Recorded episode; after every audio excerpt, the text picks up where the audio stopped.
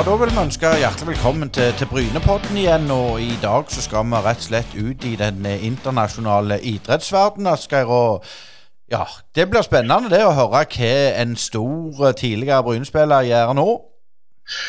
Det gjør det, og vi skal jo ikke eh, over haug og hammer akkurat heller. Men det er jo borti høyre der, er det ikke det?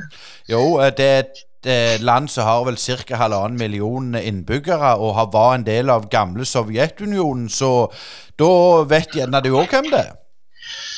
Ja, jeg, jeg, eh, tror vi skal til Estonia. Eh, stemmer det? Det stemmer. Vi skal ta en, en god prat med Marek Lemsalu. Og det er en skikkelig bauta av en midtstopper, så det, det gleder vi oss veldig til. Så må vi òg som vanlig nevne spleisen vår som vi har gående. Den kan du finne på Facebook-sidene våre eller Instagram eller Twitter, så vi blir glad av flere følgere der. Eller, eller så kan du gå inn på spleis.no slash Brynepodden, og der har vi fått fått inn eh, over 5000, og vi har fått inn sponsorer, så det ser i grunnen ganske lyst ut. Men eh, det er klart, skal vi utvikle dette videre, så er det jo litt greit med litt eh, grunke i, i bånn. Men eh, Asker, hva, hva skal vi spørre Marek om? Nei, vi må jo ta litt uh, forskjellig. Uh, karriere, oppvekst i Sovjetunionen, overgang til Estland som selvstendig stat. Og litt etter, den var jo en tur i den Mainz-stolen, var han ikke det? Det var han. Vi skal høre hva han og Ja, vi skal ikke si mer, men vi, vi, vi, vi hører hva Marek har å si med. Heng på.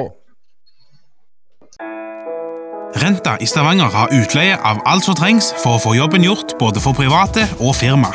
Lifter, gaffeltrykker, minigravere, fliskuttere, vibratorplater, sager, beltebårer, minidumper og ellers alt du trenger til byggeplassen.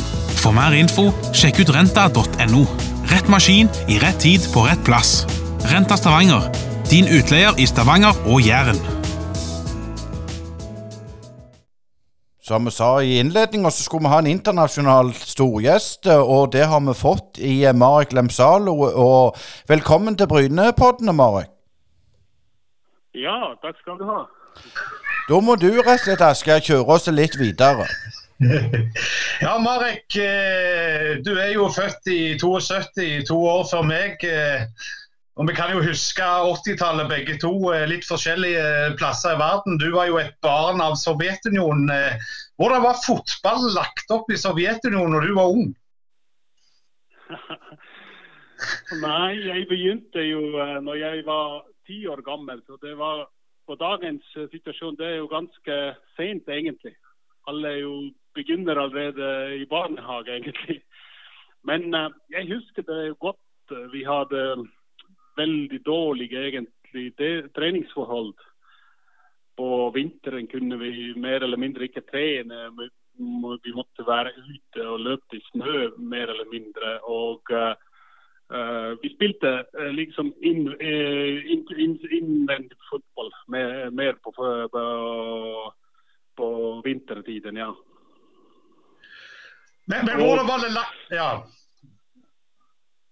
En gang til. Kom, kom, kom, igjen, vær så god. Ja, ja. Men uh, nei, det var jo en sånn Det er jo ganske lenge siden. Men uh, hvis jeg tenker tilbake, det var jo mer eller mindre det fotball. Det var jo mor Og, vi, uh, vi guttene bare løpte mye. Og hvis vi fikk en ball, så hadde vi gode tider. Så, så vi, den organiseringa av fotball var det jo veldig, veldig dårlig egentlig på den tiden. Men det kom seg etter hvert. Og, og når jeg var uh, nesten 15 år, 15 år gammel, da begynte jeg å spille på landslaget allerede. Så det var en sånn ganske travel tid egentlig til meg. Men, men, hvordan var opplegget rundt landslaget, altså, med tanke på forbilder? Sånn, altså, Dere så vel ikke så mye fotball fra Vesten på den tiden, gjorde dere det?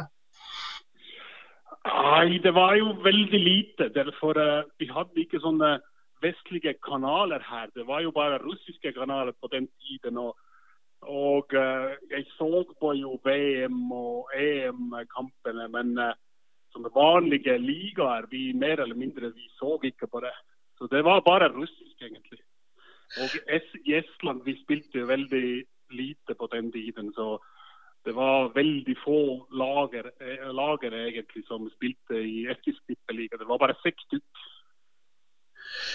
Men hvordan, hvordan, var det liksom, eh, når du var ung og god i fotball i Estland eh, den gang? Altså, hva, var, hva, var, drømmen? Var det Tsjeska, Moskva og alle disse lagene som var det store drømmen, eller var det å komme til, eh, til Bundesliga eller England eller noe sånt, eller kom det senere? Nei, jeg drømte ikke på dette engang.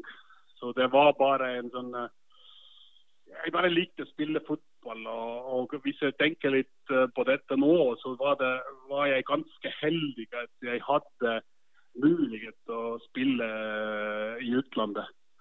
Jeg, jeg liksom ikke var forberedt egentlig at jeg skulle uh, gå rett fra estisk liga til uh, tysk uh, zweite. Det var et veld, veldig stor steg på den tiden. og Eh, og eh, på den måten at jeg klarte å spille på dette nivået. Så det var en liten sånn mirakel. men, men, hvordan var det med, med, altså Du ble vel 18 år i, i 1990, altså året før Estland ble selvstendig eh, igjen. Eh, hvordan var dette med tanke på fotball? Altså Måtte du inn i, i militæret og sånn før, eller, eller slapp du unna det? Nei, jeg slapp unna det. Derfor, uh, Eh, mitt, min eh, liksom, militærtid det kommer eh, det kom liksom 91, 1991 egentlig. Og Da var vi full, liksom selvstendige. og jeg som spilte på liksom, landslaget på den tiden, så kunne jeg slappe litt der, egentlig. Så det var ganske heldig for meg, egentlig. Hvis det skulle hendt liksom noen år tidligere, tidligere så mm, helt sikkert jeg skulle vært i russisk militær, egentlig. Så jeg var heldig. Men Hvordan var det med, med tanke på når Estland ble en, en, selvstendig nasjon og dere skulle bygge opp et landslag? og sånn, altså Hvordan var nivået da? Måtte dere begynne på null? Det var jo en på sånn sett veldig vanskelig tid at uh, vi, uh, på, den tiden, på, den tiden vi tapte jo veldig mye. Uh, nesten alle kampene. Så det var veldig, veldig Ja, det var en vanskelig periode. Og jeg husker godt når vi, når vi fikk vårt Jeg tror det var ved 1994 i, i, USA, i USA var det den VM. Da Uh, uh, liksom To år tidligere fikk vår gruppe, og jeg husker uh, veldig godt at vi hadde en sånn svært vanskelig gruppe hvor det var Italia, hvor det var Sveitserland, og så det var Austria, hvis jeg husker rett. Så vi bare tapte. Det var en veldig vanskelig periode, egentlig. Hvordan var for en ung mann fra Estland mot det italienske landslag, som vel var et av de beste i verden på den tiden? Yes, det var jo en Hvis jeg tenker tilbake, det var jo uh, På sånn sett, det var jo moro. Men det var jo veldig stor overgang. Egentlig den første kampen når vi spilte Jeg tror det var uh, 1993 i våren, eller, eller var det i mars? Når vi spilte borte mot Italia. og uh, vi, vi tapte bare 2-0, egentlig. Så det var en uh, veldig god kamp for oss. Men jeg, uh, jeg tror vi var kanskje ti ganger over, over på Itali, Italien sin halvdel. Liksom, vi bare forsvarte og forsvarte. Så det, det var en, på sånn sett en god kamp for oss at vi tapte bare 2-0. Men hvis vi går litt over til tiden din i Tyskland, Marek. Du gikk jo fra, fra FC Flora til, til, til, Mainz. Du fortalte at overgangen var, var veldig stor, men uh, der hadde du òg en, en, kar som heter Jørgen Klopp, som du konkurrerte med. Fortell litt om, om han, og hvordan var den tiden? Ja, det var jo interessant på den måten. Jeg var 23 år gammel når jeg gikk uh, til Mainz. Og uh, og um, det var liksom på høsten uh, de, Jeg tror det tre-fire første kampene var, det spilt. Så kom jeg liksom inn på laget. Og, Um, og på den tiden egentlig Jürgen Klopp var, var skadet. Han hadde ganske sånn seriøs fotballskade, sånn kreuzband. Eller, eller hvordan er det norsk? Jeg husker ikke det. Men han hadde en veldig seriøs kneskade. Så han var Han ja, trente selv, liksom. Jeg tror de første to-tre månedene. Og jeg så på og jeg snakket med han, men men han var ikke med på treningene. Og, eh, og jeg, for så vidt, det gikk jo ganske greit for meg. Jeg gikk inn, rett inn på laget. Og uh, det var jo litt av surprise at jeg spilte venstreback. Jeg var ikke midtstopper den gangen. Så det var litt, uh, litt spesielt med tanke på meg at jeg var ganske sånn stor og høy uh, midtstopper. Og så plutselig, plutselig er du på venstreback klassen. Så det, det var litt sånn spesielt. Men, men, så du noe på, på, Jørgen Klopp allerede den gang, at det var en ledertype, eller kom det som et sjokk at han, han, nådde så langt innen karrieren managing? Nei, det, det er ikke sjokk. Uh, en, en, et, et halvt år siden, jeg tror, eller noen måneder siden, kom ut Jørgen Klopp sin bok. Og jeg fikk jo lese den også. og og uh, Da var, fikk jeg også den spørsmålet at uh, så du den liksom um, at Jürgen Klopp var liksom uh, allerede en veldig god trener på den gangen. Men jeg, jeg kan si at han var veldig, veldig sånn Han var ikke kaptein, men han var det ja, liksom hovedtrenerens høyre hand. Alltid. Så han var veldig sånn interessert at alle gjør jobben sin. og Han krevde av seg, av seg veldig, veldig mye. og uh, På treningene var alltid liksom uh, med på 100. Så, uh, når han var allerede liksom ja, tilbake fra skade. Helt spesiell, spesiell mann, egentlig. og og hvis du, hvis du spør meg hva var det styrkene hans, da, da var det egentlig jeg skulle sagt at han hadde en veldig eksepsjonell styrke som var det hodespill, egentlig. Så, så, dette husker jeg godt. Han var veldig god på hodet. Men, men, for din del, da, Marek, du var jo ikke så lenge, det var vel et par år i Tyskland. Hvordan, hvordan var det overgangen fra, fra et, eh, et, liv i Estland til, til store, store Tyskland? Ja, det var jo en veldig stor steg på den måten. Du, du kom jo mer eller mindre fra en sånn eh, ja, fra en russisk uh, eh, og så plutselig er du, er du i Tyskland og vest, i Vest-Tyskland, ikke, ikke, ikke, i liksom Øst-Tyskland. Så det var en veldig stor overgang. og jeg, jeg, jeg fikk jo min familie med, så det var jo en bra, bra ting, egentlig. At, at jeg, um, jeg ble ikke, ble ikke alene bare der og sittende. For det, det var en stor overgang. Og, men uh, i fotballverdenen det er jo veldig uh, veldig viktig at hvis, hvis, hvis, alt går bra på trening og du er med på laget, du kan spille, så du, er, du spiller i startelve, liksom starter kampen, så mer eller mindre da alt er liksom greit.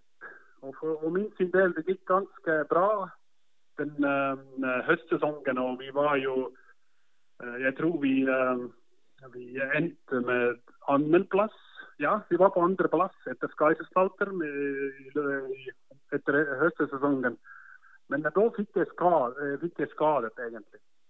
Fikk jeg skade, og i vårsesongen ble jeg ute av laget på den måten. Jeg, jeg var med, liksom på laget, men jeg spilte ikke fast.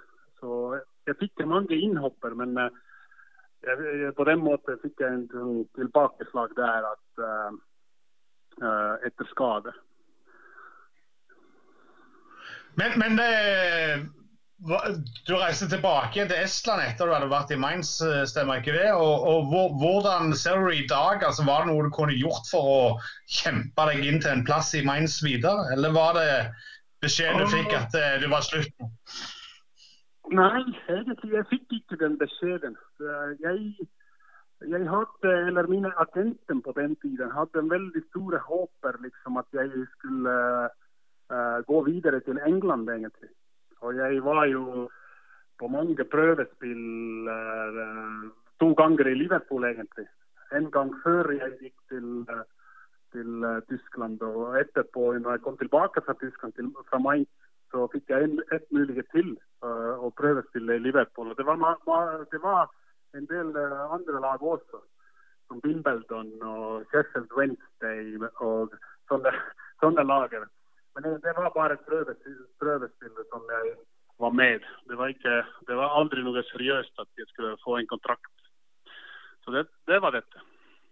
Men, men, hvordan eh, kom du i kontakt med, med, norsk fotball? Altså, det var vel Strømsgodset som ble din første klubb i Norge. Hvordan kom det i stand?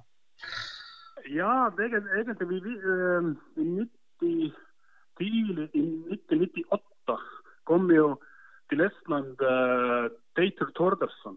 Og han var uh, trener på FC Flora, og så han var landslagstrener.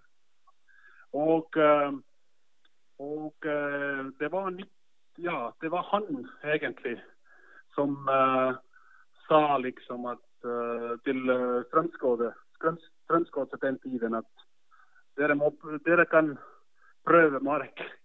og jeg var ja, i Strømsgodset i løpet av ja, det var tre måneder uh, i slutten av uh, 99. Men uh, dessverre rykket vi ned, egentlig. Og vi tapte kvalikkamp mot Start, egentlig. Så dette var ganske interessant. Etter to år etterpå endte jeg i Start. Liksom, eller begynte jeg å spille for Start 2001. Så ja, for, for i mellomtiden ja. mellom Strømsgods og Stars var du innom eh, Viljandi, som er et estisk lag. Men det som er litt interessant for oss, eh, det er jo at det var Jan Halvor Halvorsen som henta deg eh, til Start. Og det var jo en spesiell tid? Dette var absolutt en spesiell tid. Og, og uh, jeg er uh, fortsatt takknemlig egentlig til Jan Halvor at uh, han tok meg. Liksom, jeg var jo ikke ikke ung på den tiden allerede. Jeg var 28 år gammel. og, og jeg også begynte allerede å tenke hva, som, hva skal jeg gjøre liksom videre. Og, men eh, jeg fikk en sånn ukes prøvespill uh, tiden i start, og da var det klart at Jan Halvor ville ha meg. og jeg tror han uh, På den tiden kan jeg, kan jeg tenke tilbake at det var en ganske bra valg at vi rykket opp med Start med en gang. Så og jeg fikk veldig mye spilletid og spilte fast, så det var jo veldig bra tid egentlig for meg. Jeg kan si det, jeg har eh, prata litt med Jan Halvor om, om, deg, og han sa du var en 100% fotballspiller og en utrolig dyktig eh, person og, og en viktig mann jeg har i garderoben. Så, så, det skal du ha i tiden i start. ja. ja, men eh, ja, dessverre. Det var jo en sånn etter en veldig bra år, egentlig, så måtte jeg flytte. Så Start fikk jo en del pengetrøbbel. Og, og da hadde jeg en del muligheter, og Brune var en av dem. og Da, da valgte jeg Brune egentlig videre. Så fra 2002 var jeg jo Brunemann. Men hvordan var den overgangen fra Strømsgodset og, og, og, Start til Bryne? Hvordan så du på Bryne den gang? Var, var det en, en, veldreven klubb, eller var det å komme ut til, til bondelandet? Nei, jeg, jeg, jag visste ju inte så all världen äh, äh av, av, Norge liksom. Att, äh, för mig var Norge bara ett väldigt, väldigt god och väldigt fint land egentligen. Så för, mig, så för mig var det bara ett, hur jag ska spela eller, eller vad slags äh, lag. Självklart ville jag spela i tippeliga på den tiden. Men, äh, men äh, var det en äh, huvudstadslag eller var det en äh, Brune, eller var, skulle det vært Sogndal? Sogndal var også veldig interessert i meg, jeg, jeg husker. Eller, eller, men da valgte jeg liksom Brune. Og, og det var en bra valg for meg. Ja, hvordan var eh, miljøet når du kom til Bryne? Altså, hvordan var ditt første møte med, med, medspillere, og hvem var det som du ble kamerat med og sånne ting? Nei, det miljøet var jo veldig, veldig god, egentlig. Reine Almqvist var trener der, og det var jo mange svensker, egentlig, den tiden som spilte, spilte i Bryne. Og uh, mange lokale, gode fotballspillere. Det er jo Roger Eskeland var der, Kai Ove Stokkeland var der, Einar Braut var der, Knut Sirevåg av lokale folk jeg husker godt. Og det var en del svenske, jo Marcus Andreasson, som, som jeg spilte med i uh, midtstopper, som midtstopperpar. Så det var en veldig, veldig god miks på den gangen. Eh, og, og uh, i hvert fall det første året det gikk jo veldig bra i tippeliga. Så, så, det var en veldig god plass å komme inn, inn i seg. Veldig sånn, uh, Det var ganske varm, varmt velkomst, jeg må si. Men, men, hvordan var det å bo på Bryne sånn rent uh, familiært? Du hadde med deg familien til Mainz, du, og du hadde vel med til Bryne òg. Altså, hvordan gled du inn i, i, på Jæren? Hm. Jeg syns vi passet veldig godt uh, inn. Liksom, jeg, jeg likte den sånn rolig, uh, rolig sted, ikke så veldig stor by. Og jeg bodde jo et, i et eget hus så jeg gikk med familie med kona og datter. og uh, Kona begynte liksom også på jobb, så da ble, jeg ikke sittende hjemme. og så Datteren gikk på skole, lærte veldig fort norsk. Og, og alt gikk jo egentlig veldig, veldig bra. Det, hadde, det var jo en del estlendere også som bodde i, i Form. Det, så det, det, var ikke bare sånn at du kommer og, og lever i en absolutt liksom fremmed sted. Så, så, det var ganske, ganske lett egentlig for oss. Det var ingen problem. Jeg kan jo nevne det, Marek, at studioet som vi lager denne podkasten det er 200 meter fra der du bodde på Bryne. Aha, OK. Det er interessant. ja, stemmer det. Så jeg har vært naboen din en gang. Aha, OK. Fint. Eh, men, men, litt tilbake til, tiden i, i Bryne, og, og, der var du jo kaptein ja. i, i, flere år. og Du ble fort en ledertype? Ja, jeg tror er ikke sånn Jeg gjør kanskje Hvis jeg spiller på bane, eller spiller fotball på trening, og, eller spiller kamp, så jeg, er jeg sikkert en ledertype. Men ut av bane Jeg tror ikke jeg er sånn 100, 100% kapteintype som uh, leder der, liksom. Uh, uh, ja, så det er litt sånn Sånn kanskje fotballmessig var jeg ganske, ganske sånn OK. Men som ut, ut av bane, jeg tror det er, det er mange som er bedre enn meg. Du sier du var litt kjedelig utenfor banen. ja, det var jeg. men, men hvis, hvis, vi går litt tilbake til, til, til, når du har vært prøvespilt i Liverpool, du har vært i Mainz. Eh, det er jo mm -hmm. veldig, veldig store klubber. Når du ser tilbake, hva var det som gjorde at du ikke klarte den siste cutten for å bli topp, topp, topp europeisk fotballspiller? Ja, uh, egentlig den uh, uh, på den tiden, 1996 og 97, vi, vi, som Estland vi var ikke medlem i Europeiske union. Og da uh, vi måtte ha en arbeidslisens uh, for å spille i England spesielt. Og dette var en, sånn, en stor begrensning, egentlig. Vi håpte jo og Uh, at det går lettere. Men jeg tror det var en hindring for meg. Uh, en største hindring liksom at uh, jeg måtte ha den arbeidslisens. Liksom, og da var det en veldig sånn, strikte regler at du må nesten spille 75 av kampene for å få neste års liksom, arbeidslisens. Og, og, det var en sånn, en sånn slags problemer. Og jeg tror det kanskje jeg skulle endt opp i, uh, i England, men, uh, men uh, ja. Det var en sånn stor minus i min del i hvert fall.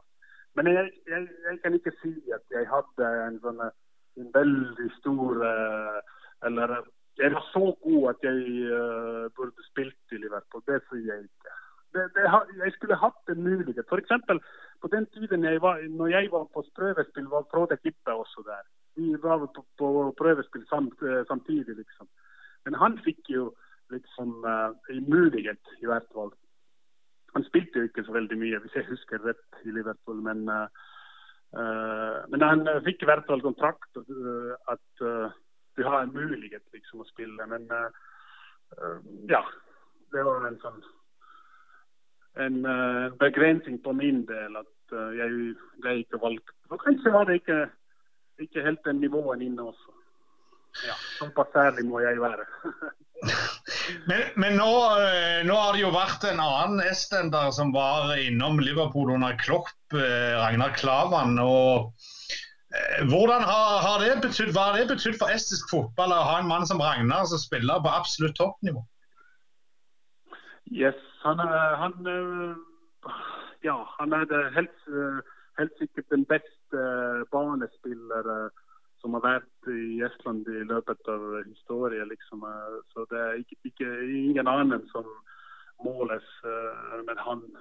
Men, men det, det, er jo veldig stort egentlig, at han fikk de muligheter og spilte i Tyskland og i Nederland og til slutt i, i Liverpool og nå i Cagliari. Så det, det er en, en, veldig bra og veldig stor karriere på etisk standard, egentlig. Så det, det er spesielt.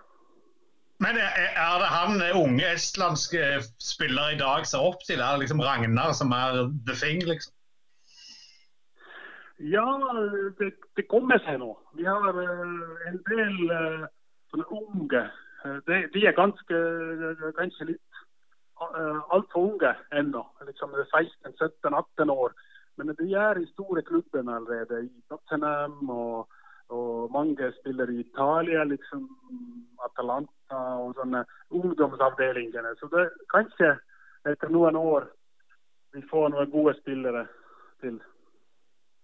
Nei, for jeg tenkte Du har jo òg uh, hatt Mart Pum, som var keeper i, i, i Porsmouth, Derby ja. og, osv. så videre. Ja, ja, men, men, men jeg tenker, hva er det dere i Estland har gjort på, på, talentutviklingen? For det er jo et veldig lite land, men allikevel så kommer det opp gode spillere. Ja, men uh, i, uh, i, dag er vi, er vi, jo veldig fokusert uh, fokusert å få best mulig treningsforholdene til barna. Bygger mange liksom, innvendige, store haller i hvert fall som prøver å gjøre dette, som, som Island egentlig gjør det. Vi, vi prøver liksom å uh, den samme, samme, samme liksom, ting som Island gjør det. Og, og bygge mye som For vi har jo en, en vinter som er veldig langt. Og vi har masse snø, og det er, veld, det er ikke så lett å ha gode treningsforhold. Men vi prøver i hvert fall i, å dekke hele landet, liksom. Eller å få så mange haller uh, som mulig. Og vi har begynt med dette og håper at etter hvert det så positivt ut. Litt tilbake til, til, din karriere, Marek. For jeg ser jo at du har, har en del sånn Uefa-cup-kvalifiseringer. Eh, iallfall du har spilt mot Newcastle, blant annet. Og, hva, er det, hva er det ditt høydepunkt har vært gjennom en lang karriere? For, for etter Bryne så, så, gikk du til Levadia, der du vant det som kunne svinne i Estland, men det, men det blir liksom ikke blir ikke helt det samme, på en måte. Nei. Nei, det er egentlig Jeg har jo ja, en del uh, Champions League-kamper og Uefa-kamper.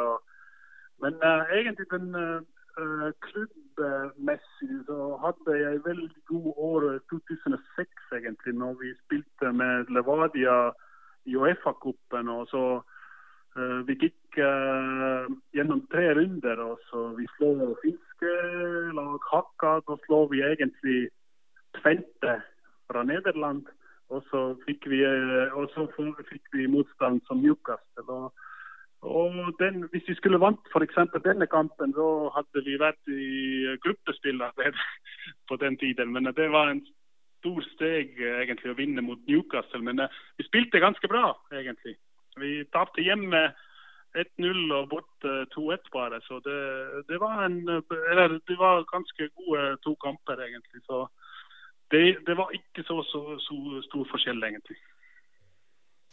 Eh, du nevnte Marek eh, Reine Almqvist som, som, var trener når du kom til Bryne. Altså, kan du si noe om de ulike trenerne du hadde i Bryne, og hvordan du opplevde de? Ja, hvem, hvem jeg hadde? Reine Almqvist hadde jeg, og så hadde jeg etterpå i, i Adeccoligaen på den tiden. Eh, det var Hans Olav Flette. Så Nei, med Reine han var jo veldig erfaren. Og, eh, og jeg syns på den tiden vi hadde ganske god lag også. Eh, så veldig sånne gode eh, ballspillere som kunne holde ballen. F.eks. Pierre Gallo eller, eller Kai Ove Stokkeland f.eks. Vi hadde en god lag, egentlig. En bra miks av utlendinger og, og, lokale spillere. og Reine var jo dyktig. Han stolte veldig mye på, på oss, liksom. Og det, det fikk liksom derfor vi spilte, i hvert fall den 2002-sesongen, som vi gjør det ganske bra. 2003 rykket vi jo ned, men uansett. Jeg syns at Reine var veldig dyktig uh, trener. Og etterpå, Hans Olaf Rette tok, tok jo over. og, og han, var, han, var, jo ganske mange år som andre trener på laget. og Det var ikke så veldig stor overgang på den måten. og i Adecco-ligaen vi spilte jo sånn ganske greit, egentlig. Vi rykte jo ikke opp, men uh, vi var alltid, alltid uh, der uh, liksom midt på tabellen, eller litt øverst på tabellen. Så det, det var en De var også begge 2004-2005-sesongene var ganske gode, egentlig. Det begynner jo å bli noen år siden 2005 også, men, men, var det alltid planen at du skulle hjem og avslutte karrieren i, i Estland, eller var det tilfeldig? Nei, det var ikke det egentlig. Det, det var sånn det, det, er bare livet. Jeg var jo ganske gammel allerede. 32 år, 32 år i 2005. og, og um, egentlig det var jo Det hendte sånn at uh, Uh, Brune var liksom Hvordan sier jeg det? De, de, jeg var jo på den måten jeg var jo en god spiller for laget, men uh, tiden var inne at uh, Brune tenkte at jeg kanskje måtte bytte laget. Og jeg var ikke helt med på dette. Men hvis jeg tenker tilbake på dette, så jeg tror det var veldig god liksom, degen at jeg må hjem. ellers, ellers jeg, jeg, var veldig forberedt egentlig kanskje å bli værende i, i, Norge. Det vet jeg ikke. Kanskje jeg skulle fortsatt levd i Norge hvis jeg skulle ikke flyttet hjem. Men uh, uh, på den måten det var en bra valg. Jeg syns at jeg er veldig glad at jeg flyttet hjem til slutt. Men, men, hvordan hadde Estland forandret seg på de årene du bodde i Norge? Det har sett jo en veldig stor endring med EU og, og alt dette her. Mm -hmm. Nei, Estland er jo Vi er jo små. Det er bare 1,4 millioner eh, innbyggere. Og vi, uh, vi, vi, kan jo reagere veldig fort hvis vi vil uh, gjøre noe, eller hvis, vi, hvis vi, de politikerne tar noe mot noe, noe at vi må gjøre noe, så kan vi gjøre det veldig, veldig fort. Og jeg syns at vi er, vi er vi har fått en veldig stor uh, oppgang på den måten. At, uh, I dag er det jo sånn at, uh, at hvis, hvis, jeg, ah, hvis jeg husker liksom den 2001 når jeg kom til Norge, så hadde jeg stor, store problemer egentlig med å bruke penger.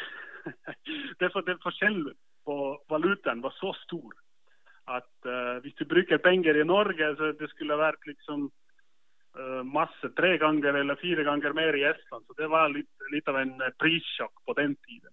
Men i dag det er ikke så stor forskjell, f.eks. Hvis, hvis du vil ta en uh, øl for eksempel, på flyplass i Estland eller i Gardermoen, det er ikke så stor forskjell mer. Så på den måten har vi, har vi uh, ja, vi er mer som, mer som uh, europeiske land enn uh, på 15 år siden. Så. Ja, for dere har jo euro som, som valuta nå. Men jeg òg leste en plass at uh, Estland var en av de tidligere sovjetstatene som hadde det, eller gjorde det best økonomisk. Og for din del så begynte vel du i en sivil jobb nå etter du var i Levadia? Mm -hmm. Og det er derfor du ja, snakker så godt norsk. Du må bare fortelle litt om, om det. Nei, ja, ja. Det, det er jo når jeg flyttet i 2001 når jeg flyttet til uh, Norge, og når jeg flyttet til 1996 til uh, Tyskland, det har jeg alltid hatt sånn uh, mål at først og fremst så, hva jeg må gjøre, det er å lære språket. Og, det, og jeg har alltid gjort det. Og jeg, jeg, har en sånn egenskap på seg at jeg begynner å snakke med en gang. Liksom at Selv om jeg snakker feil, men jeg kan bare kjøre på. Så på den måten det har vært en veldig sånn en god måte å komme inn i, komme inn i liksom, systemet og først og fremst snakke språk. Men uh, hvis, du, hvis, jeg kommer tilbake nå til dette, at jeg begynte med sivil jobb, uh, så det var egentlig en norsk, en norsk bedrift som fant meg tolv år siden. Og de var veldig glad at en begynner liksom å jobbe hos, hos, dere som kan snakke norsk litt også. Så det er historien at, at jeg kanskje fortsatt snakker en nokså greit norsk. Selv om det er uh, mange feil også i ordene. Nei, det går veldig bra. For det, det var Brubakken, og du holdt på med, med trøkk og litt forskjellig. Og, og, nå har jo du starta for deg sjøl. Nå kan du drive litt reklame for, for det? ja, ja. Det er jo um, den store, store koronasaken som uh, kom, kom her. Da, endte egentlig uh, Brobakken tok en beslutning at de vil ut de skal ut fra Estland. og Da hadde jeg mulighet til å, å kjøpe den eh, bedriften. og Dette gjorde jeg uh, omtrent om seks måneder siden. Og så jeg begynte liksom på nytt, selv om jeg har vært med på dette businesset eh, allerede tolv år.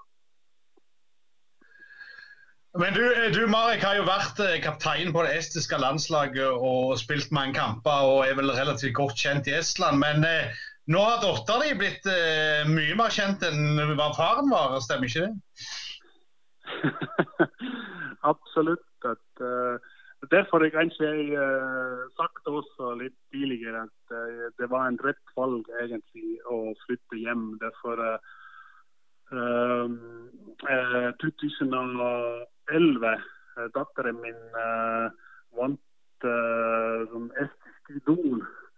Eh, og eh, nå er det nesten eh, ti år fra den tiden. Og hun er jo sammenlignet med meg hun er, kjendis.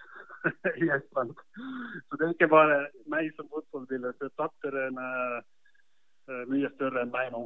Så det, dette er veldig bra. Men hvordan er det å, å, å være musiker i Estland i dag under koronaen? Har dere merket det noe i familien? Nei, nei. Det er musikkbusiness eller bransjen, det er jo De sliter jo uh, veldig stort nå. Så det, det er veldig vanskelig. Og uh, i det siste vi har fått en del uh, økning av koronasmitten. og derfor Vi er i nærheten av helt fullt lockdown, så det er ganske tungrivende, egentlig, begge to. Men for, for, din egen del, Marek, du har vel òg vært litt eh, ekspert på TV. Eh, har det vært estisk fotball, eller er det europafotball du, du eh, er mest involvert i?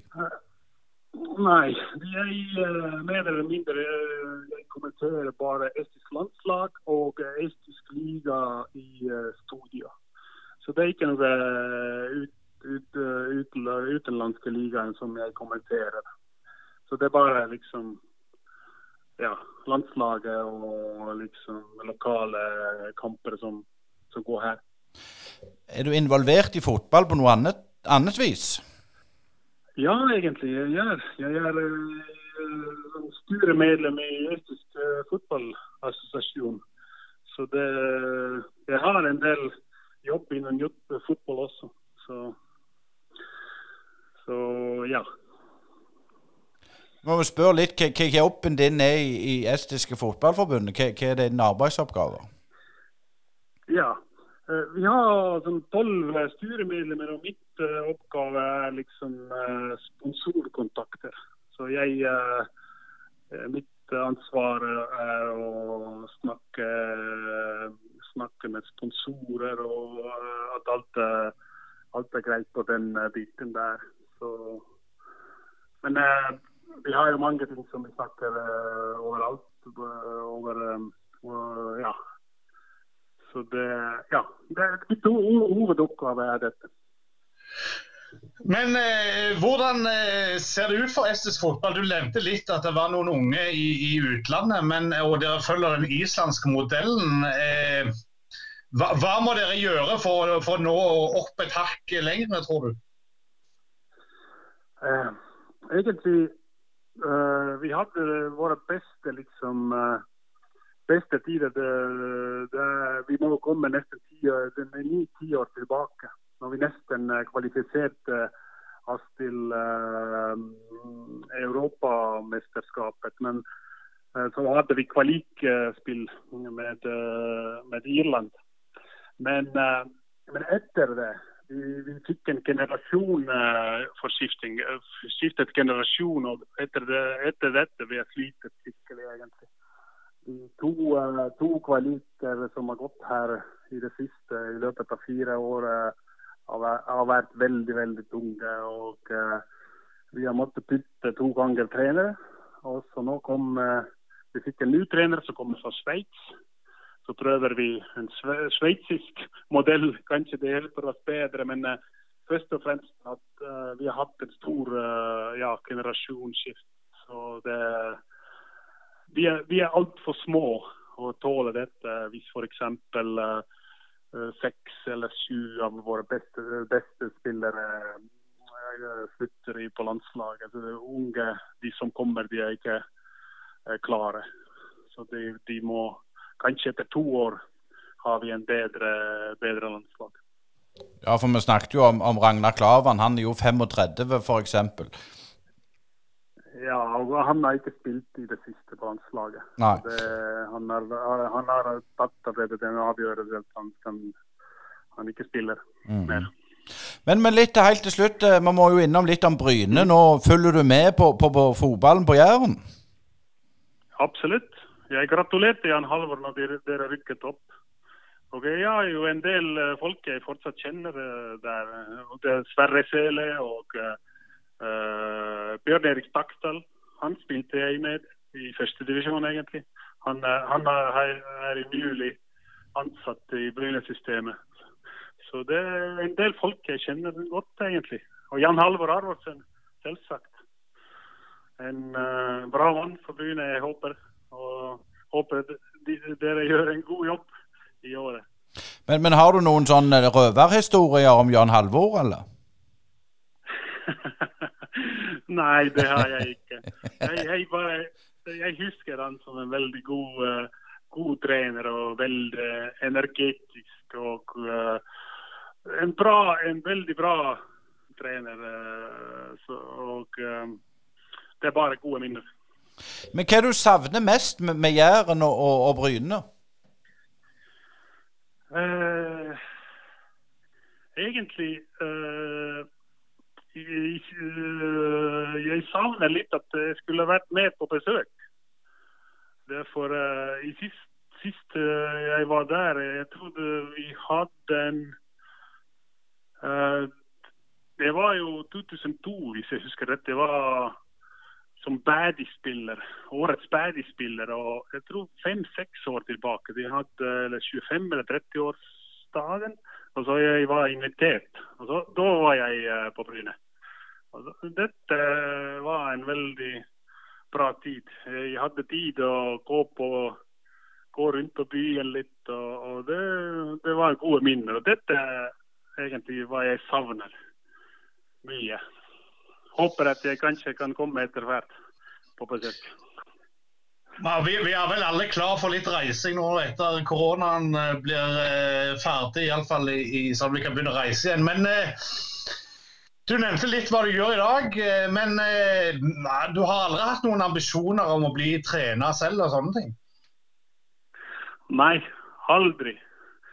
Dette har jeg aldri hatt. Så det Kanskje jeg fikk min, min porsjon av fotball når jeg var spiller. så det det er nok. Jeg kan, jeg kan være liksom Kommentere og se fra siden, men å, å, trene selv, det, det, dette har jeg aldri hatt.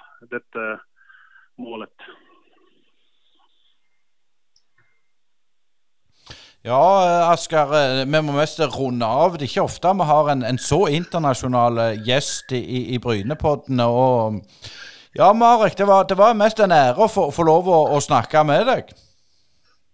Ok, takk skal du ha. Jeg håpet at uh, jeg snakket uh, såpass godt at uh, dere kan dere skjønner alt hva jeg mente. ja, det tror jeg ikke er noe problem. Vi, vi snakker vel litt løye vi òg innimellom, Asker, gjør vi ikke det? det gjør vi, men det var veldig hyggelig å ha Marek på tråden. og Så får vi håpe at det blir mulig å ta en tur til Tallinn en gang, og så får vi plage han litt mer da. Absolutt. Ingen problem. Renta i Stavanger har utleie av alt som trengs for å få jobben gjort både for private og firma. Lifter, gaffeltrykker, minigravere, fliskuttere, vibratorplater, sager, beltebårer, minidumper og ellers alt du trenger til byggeplassen. For mer info, sjekk ut renta.no. Rett maskin i rett tid på rett plass. Renta Stavanger, din utleier i Stavanger og Jæren.